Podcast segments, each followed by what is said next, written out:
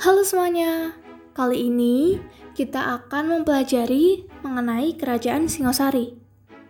Raja yang pertama kali memimpin Kerajaan Singosari adalah Ken Arok, yang merupakan anak dari petani sekaligus pembuat onar pada masa itu.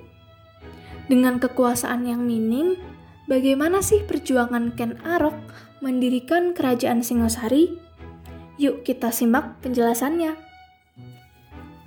Menurut kitab Pararaton, Ken Angrok merupakan penyebutan nama yang benar dari Ken Arok. Siapa sih sebenarnya Ken Angrok? Pada suatu hari, Ken Endok mengantarkan makanan untuk suaminya, yaitu gajah para di ladang. Di tengah-tengah jalan, dia dihadang oleh Dewa Brahma dan disetubuhi. Suaminya tahu dan menceraikannya. Namun lima hari kemudian dia meninggal dunia. Karena malu, Ken Endok ini membuang bayinya, Ken Angrok, yang mengeluarkan sinar di malam hari. Pada masa pemerintahan Raja Kerajaan Kediri yang bernama Kertajaya, di sebuah daerah kekuasaan Kediri yang bernama Tumapel, hiduplah Tunggul Ametung sebagai Bupati Tumapel. Tunggul Ametung memiliki istri yaitu Ken Dedes. Pada masa itu, Ken Angrok menghambakan dirinya pada penguasa Akuwu Tumapel yang bernama Tunggul Ametung melalui perantara pendeta Loh Gawe.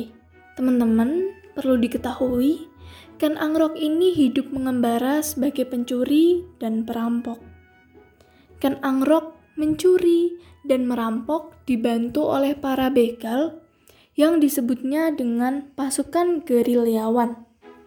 Sebenarnya yang dirampok merupakan saudagar penjilat tunggul ametung dan orang kaya yang memperbudak rakyat. Ken Angrok memiliki makna tersirat dari perbuatannya. Kerajaan Kediri pada masa itu sangat tidak stabil, teman-teman. Rakyatnya sangat miskin sehingga mereka dilecehkan. Kertajaya sebagai raja kerajaan Kediri atau Daha pada masa itu meminta kaum Brahmana untuk tunduk kepadanya. Apabila kaum Brahmana tidak menyembah Kertajaya, maka mereka akan dibunuh. Sehingga kaum Brahmana lari ke Tumapel. Akan tetapi, Bupati Tumapel Tunggul Ametung yang tunduk pada Kertajaya hanya menjadikan petuah para Brahmana ini sebagai angin lalu. Ken Angrok resah, sehingga membuat keonaran bersama dengan pemuda gerilyawan agar Kertajaya marah pada Tunggul Ametung dan mencopot jabatannya. Sehingga rakyat ini memiliki harapan kepada pemimpin penggantinya. Ken Angrok pada saat itu akan melakukan pemberontakan besar-besaran bersama pemuda gerilya. Oleh karena itu, Ken Angrok memesan senjata pada Empu Gandring. Empu Gandring menyanggupi pembuatan senjata berupa keris dengan biaya dua kali lipat dan menyelesaikannya dalam waktu lima bulan. Akan tetapi, Empu Gandrung ini tidak dapat menyelesaikan pesanan yang dibuat oleh Ken Angrok. Ken Angrok pun membunuh Empu Gandrung karena tidak mampu menepati janjinya. Ken Angrok selanjutnya bekerja sama, dia memiliki planning B dengan pasukan cadangan di Bukit Hijau atau pasukan Kebo Ijo yang ditugaskan Kertajaya mempertahankan Tumapel. Pasukan Kebo Ijo dan pasukan gerilyawan bekerja sama untuk menyerang Tumapel. Ken Angrok membunuh Tunggul Ametung dan menikahi istri mudanya yang bernama Ken Dedes yang sedang mengandung selama tiga bulan. Ken Angrok pun menjadi Akuwu di Tumapel. Semua itu dibiarkan saja oleh keluarga Tunggul Ametung dan rakyat Tumapel. Setelah memimpin Tumapel, dia dinobatkan sebagai raja di Tumapel oleh para Brahmana dari Daha. Ken Angrok pun memakai nama Batara Guru untuk menyerang dan mengalahkan Daha.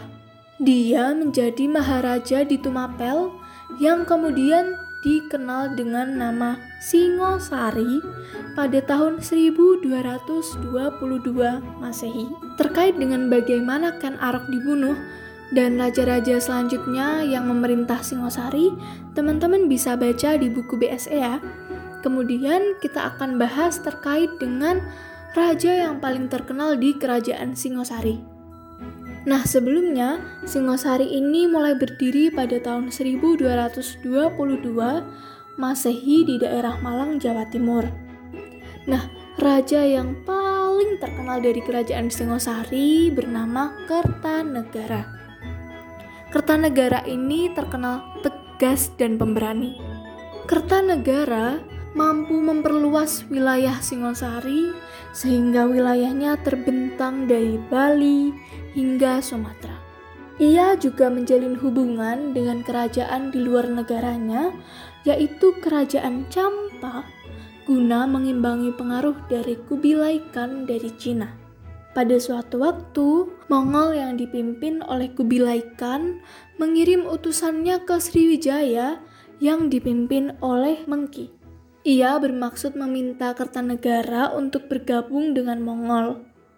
Akan tetapi, dengan angkuhnya, Kertanegara malah melukai Mengki. Dia mengecap wajah Mengki dengan besi panas seperti para pencuri. Kemudian, Kertanegara juga memotong telinga Mengki. Di sini, Kertanegara tidak menyadari bagaimana kekuatan dari kerajaan Mongol. Dia hanya terbawa egonya dan tidak tahu bahwa perbuatannya dia ini akan mendatangkan bencana di masa depan.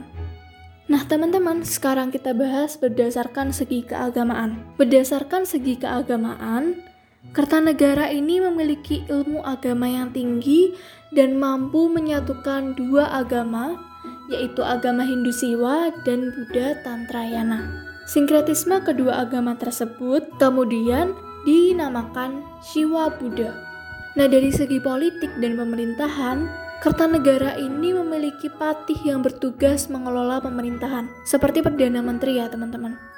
Akan tetapi, patih tersebut kurang dipercaya oleh Kertanegara. Kertanegara pun mengangkat patih yang baru. Hal tersebut ditentang dengan jelas oleh para politisi di Singosari yang dipimpin oleh Arya Wiraraja. Akan tetapi, Arya Wiraraja ini kemudian dipindahkan ke Tanah Merah atau Sumeneb, Madura. Selanjutnya, kita akan membahas mengenai keruntuhan Kerajaan Singosari. Nah, runtuhnya Kerajaan Singosari disebabkan karena adanya pemberontakan Jaya Katwang yang merupakan cucu dari Kertajaya, pemimpin Kerajaan Kediri, yang dibunuh oleh Ken Angrok. Nah, Jaya Katwang ini ingin meruntuhkan kerajaan Singosari karena dendam.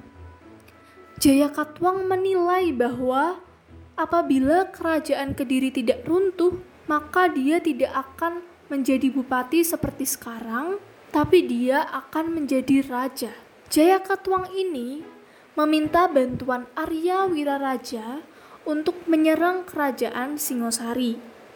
Dalam hal ini, Kertanegara terbunuh dan menandai berakhirnya kekuasaan kerajaan Singosari. Selanjutnya, terkait dengan serangan kerajaan Mongol, kita bahas di pertemuan selanjutnya.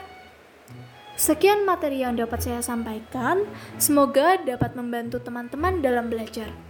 Apabila ada pertanyaan, yuk kita diskusikan bersama.